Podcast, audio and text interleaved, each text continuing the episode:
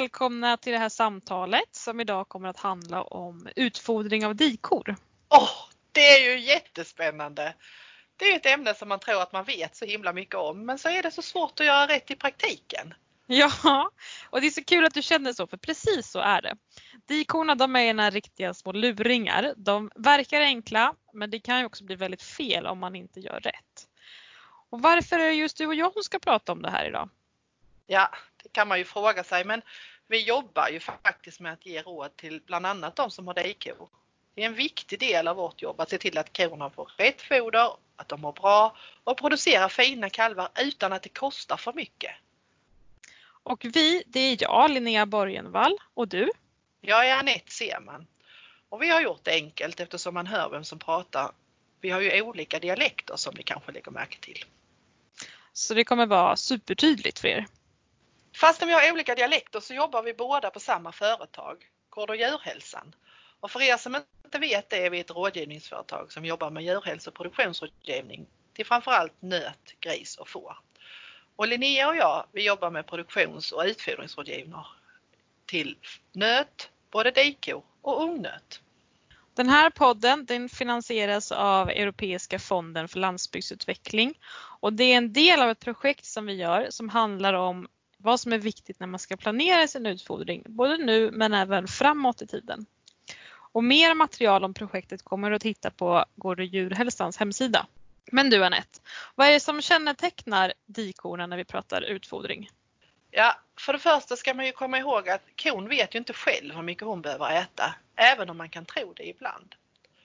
När hon har sin kalv och ska bli, ge mjölk, då är det ju ganska lätt, för då kan hon äta obegränsat med mat. Däremot, när hon är lågdräktig och högdräktig så behöver man ofta styra både fodermedel och fodergiva. Och när vi pratar låg och högdräktighet, då menar vi att hon är högdräktig de två sista månaderna innan kalvning. Och hon behöver utfodras som lågdräktig från avvänjningen fram till högdräktigheten ungefär. Det låter ju rimligt. Men vad är det då som gör att det är så svårt att styra utfodringen till dikon? Det är väl bara att ta reda på hur mycket hon behöver under de här äh, högdräktig och lågdräktig perioderna och när hon ger mjölk till kalven. Och sen ge henne det. Mm. Eh, så kan man göra. Men eftersom att vi i de allra flesta fall har kor i grupp och de kalvar ju inte exakt samtidigt, de kanske inte ens kan kalvar samma månad, så betyder det att vi i en besättning ofta har kor med väldigt olika behov. Och som vi sa så anpassas ju inte korna efter hur mycket de behöver äta utan efter hur mycket de vill äta. Utan att ta hänsyn till de andra korna i gruppen. Det är därför som ni som sköter djuren behöver styra utfodringen så att den i så hög grad som möjligt passar kornas behov. Vad ska man då styra den efter? Ja, det kan man ju egentligen göra på flera sätt. Och beroende på vad man har för praktiska förutsättningar så kan det vara olika svårt att styra. Hur menar du då? Ja, på något sätt så har man ju något att utgå ifrån. Till exempel, man har ju den byggnaden man har Eh, korna finns oftast redan på plats eller så om man bygger upp en besättning så köper man in gärna grupper av djur. Och eftersom vi också utfodrar dikor i grupp så behöver grupperna vara så jämna som möjligt. Och då menar jag inte jämna till antalet utan med jämna menar jag att de har ungefär samma hull och gärna får kalva ungefär samtidigt. Om korna är ojämna så behöver man kunna styra genom olika grupper och där, där kan stallet vara en begränsande faktor. Men när man har dikor så är det också värdefullt att kunna gruppera dem oavsett. Men hur ska man då gruppera korna klokast och hur många grupper ska man ha?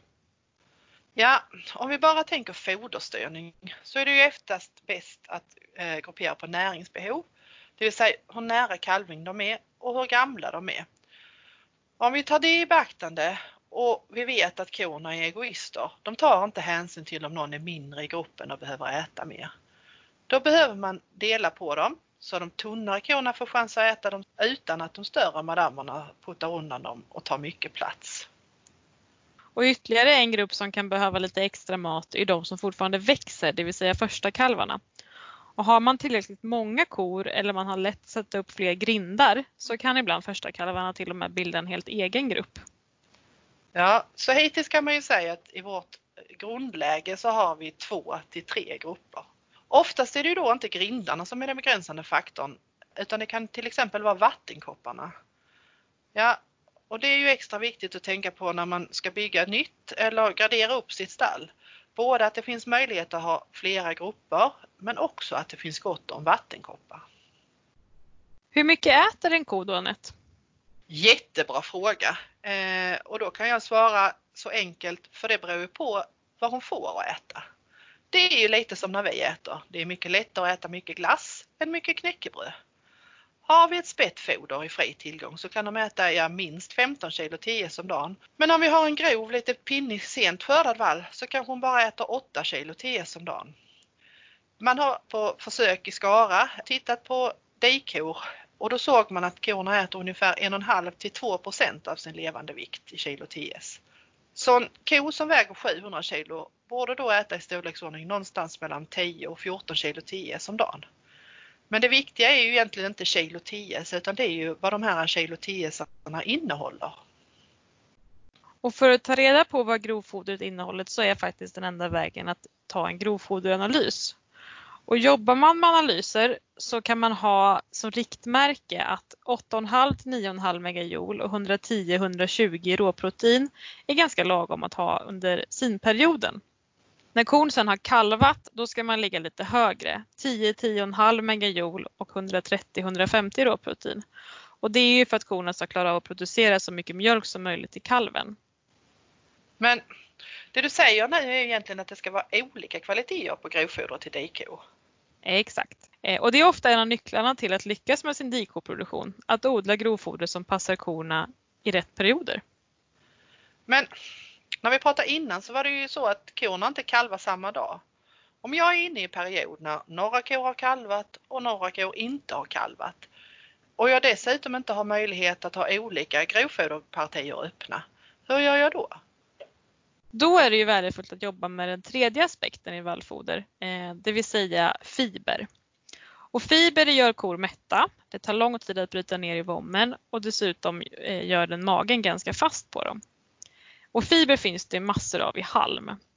Tittar man på sina vallfoderanalyser så varierar ju fibern, det vill säga NDF-värdet som det står i analysrapporten. Ju grövre foder desto högre NDF. Lagom NDF till dikor brukar vara en bit över 500. Sen har ju även fibern olika smältbarhet men det är ett helt eget kapitel så det får vi prata om någon annan gång. Men halmen är i alla fall ett mycket bra foderkomplement till perioder där vallfodret blir lite för bra. Då har de någonting att tugga på och de blir mätta även om de kanske inte alltid kommer vara helnöjda med beslutet. När man börjar begränsa ensilagegivan och kompletterar med halm så är det jätteviktigt att man har flera grupper så att kor som fortfarande behöver fri tillgång på ensilage kan få det. Speciellt under dräktigheten. Bra! Men det måste ju finnas något annat att utfodra med eller viktigt att tänka på att utfodra dikorna med utöver halm och vallensilage. Mm, såklart ska hon ju alltid ha vatten, mineraler och salt. Ja, men nu menar jag inte det utan jag menar grovfoder. Det måste finnas fler sorters grovfoder. Mm.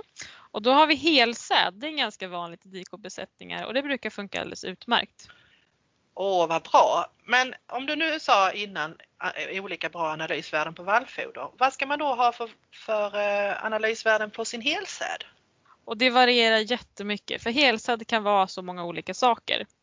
Det är beroende på vilken artsammansättning man har och när man har skördat det. Och man kan ju skörda helsäd nästan tröskmoget och då blir den mer halmlik. Eh, och får man med spannmålskärnan eller inte beror på hur mycket man spiller vid skörd. Det gör ju såklart sitt på analysresultatet. Man kan ju också skörda det väldigt grönt och då blir det ganska vallikt. Och sen har vi hela spannet däremellan. Därför är det jättesvårt att gissa sig till några analysvärden på helsäd. Och helsäd har ju också andra intressanta faktorer, till exempel att man kan få med proteingrödor på ett helt annat sätt i odlingen. Spännande!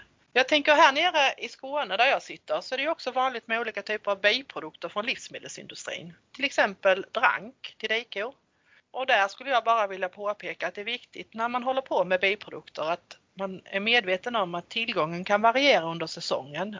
Plus att man ska komma ihåg att det ska ju gå att hantera på ett någorlunda rationellt sätt på gården. Det kan ibland verka mer lockande än vad det är i praktiken. Men är det absolut förbjudet att ge korna spannmål eller någon typ av kraftfoder? Nej, nej absolut inte. Och det blev vi kanske ännu mer varse efter sommaren 2018 när vi hade ont om grovfoder. Då var vi ju på något sätt tvungna till att komplettera med något annat och då var det i flera fall till exempel kraftfoder. Det viktiga är ju fortfarande att veta vilken typ av kraftfoder man ska komplettera med och återigen styra det till rätt djur.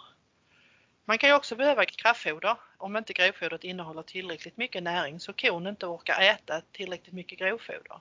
När man ska ge kraftfoder är det ju ännu viktigare att komma ihåg att alla, alla djur måste kunna komma åt fodret samtidigt. Eftersom, som vi har sagt flera gånger förut, kon äter inte bara det hon behöver och hon är inte så himla intresserad av att dela med sig till andra som står lägre i rang än vad hon gör. Men när vi ändå har det ämnet uppe, det här med ätplatser, det brukar ju du och jag som rådgivare, vi brukar tjata om det här på gårdarna. Men hur viktigt är det egentligen? Att alla djur i gruppen kan äta samtidigt, det är faktiskt ett måste om man inte har fri tillgång på foder av samma kvalitet. Kor är ju av naturen finsmakare och de är ju inte dummare än att de tar det bästa och det godaste fodret först. Och det är oftast det som är mest näringsrikt. Har man då inte en ätplats per djur så kommer de största och antagligen fetaste korna att roffa åt sig godsakerna och sen, sen lämna det som är lite mer grovt eller man kan nästan säga ibland skräpet till de mindre korna.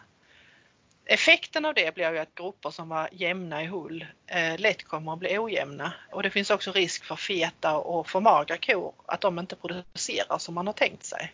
Och ser vi på för feta kor så är ju dessutom risken att de får kalvningssvårigheter. De lagrar in fett i förlossningsvägrarna. Dessutom är det ju väldigt onödigt att överutfodra dem ur en ekonomisk synvinkel. Men då om jag förstår dig rätt så har vi två viktiga delar i utfodringen av dikor. Gruppering och ätplatser.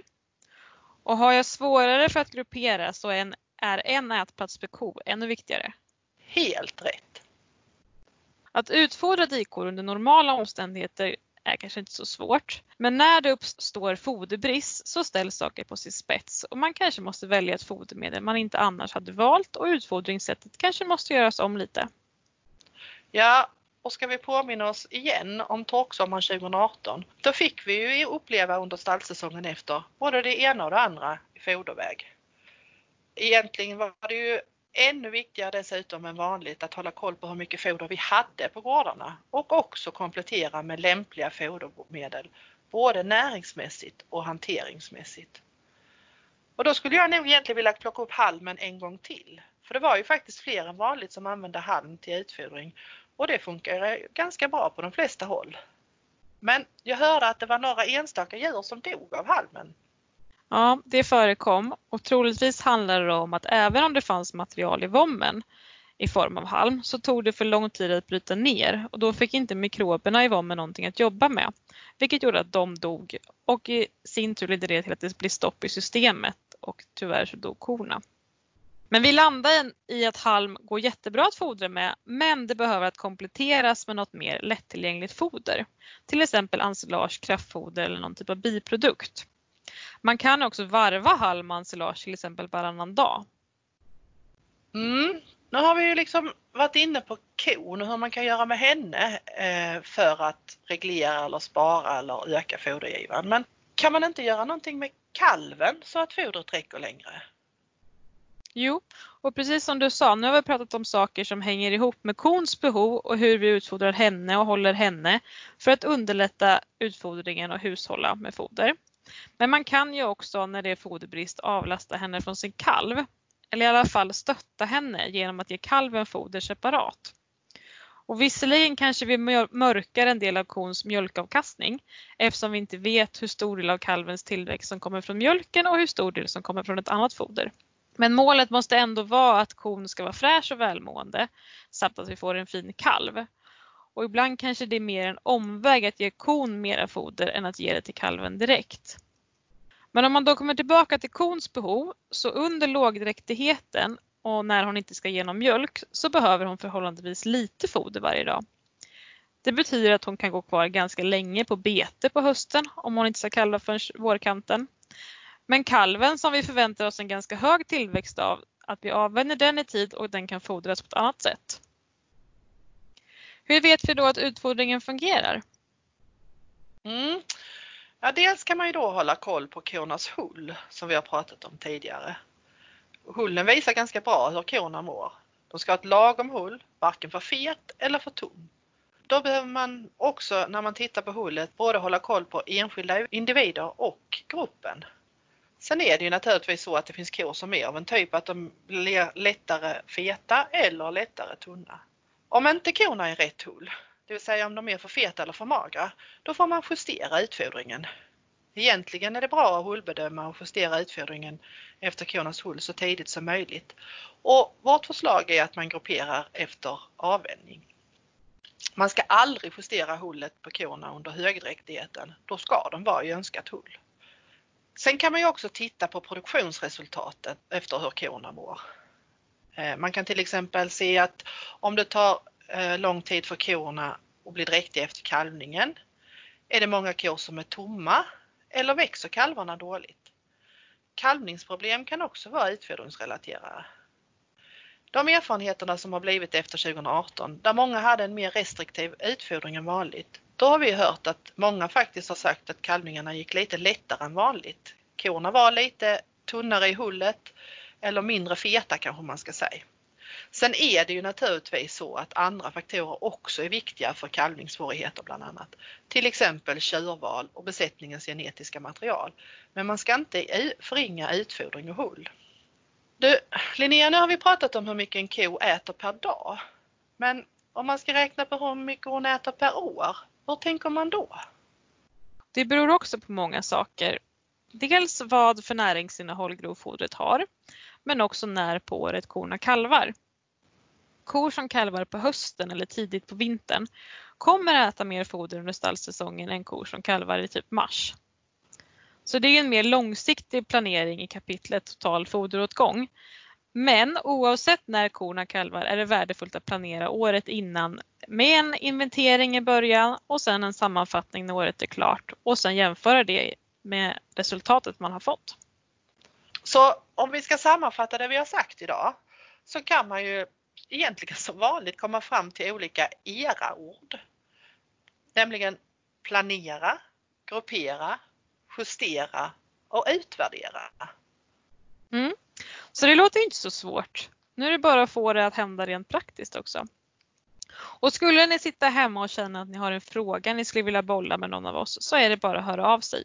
Våra kontaktuppgifter finns på Gård och djurhälsans hemsida. Och där hittar ni också våra kollegor, djurhälsoveterinärerna, som är specialiserade på just nöt.